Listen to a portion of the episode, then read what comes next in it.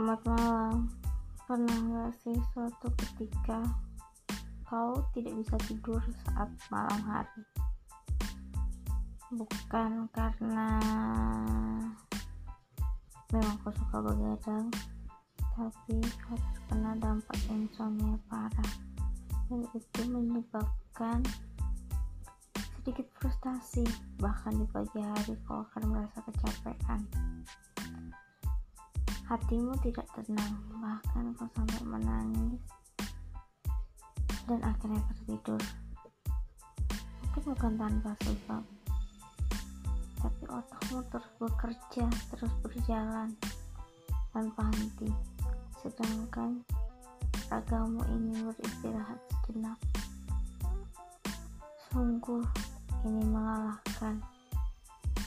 Hal ini terjadi padaku akhir-akhir ini di mana aku tidak bisa tidur dengan tenang. Karena memikirkan banyak hal. Memikirkan tentang masa depan. Memikirkan tentang diriku sendiri. Memikirkan bagaimana lingkungan memandangku. Bagaimana aku harus menyelesaikan masalah terkait pekerjaan. Apakah aku sudah cukup berjuang dengan maksimal? Apakah yang aku lakukan berguna dengan orang lain? Itu semua memenuhi pikiranku. Dan menyebabkan aku tidak bisa tidur sama sekali. Hingga menjelang pagi. Dan itu berulang terus berulang. Rasa capek menyerang saat di bawah pukul 12 malam rasa kantuk menerjang tapi pada ya tidak dapat tidur juga. Dan 12 ke atas rasa kantuk malah menghilang. Tidak tahu apa yang terjadi.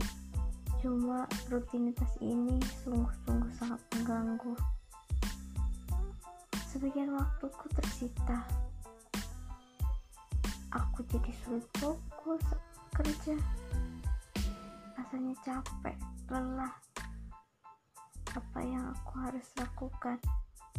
Entahlah bagaimana cara mengobati insomnia ini.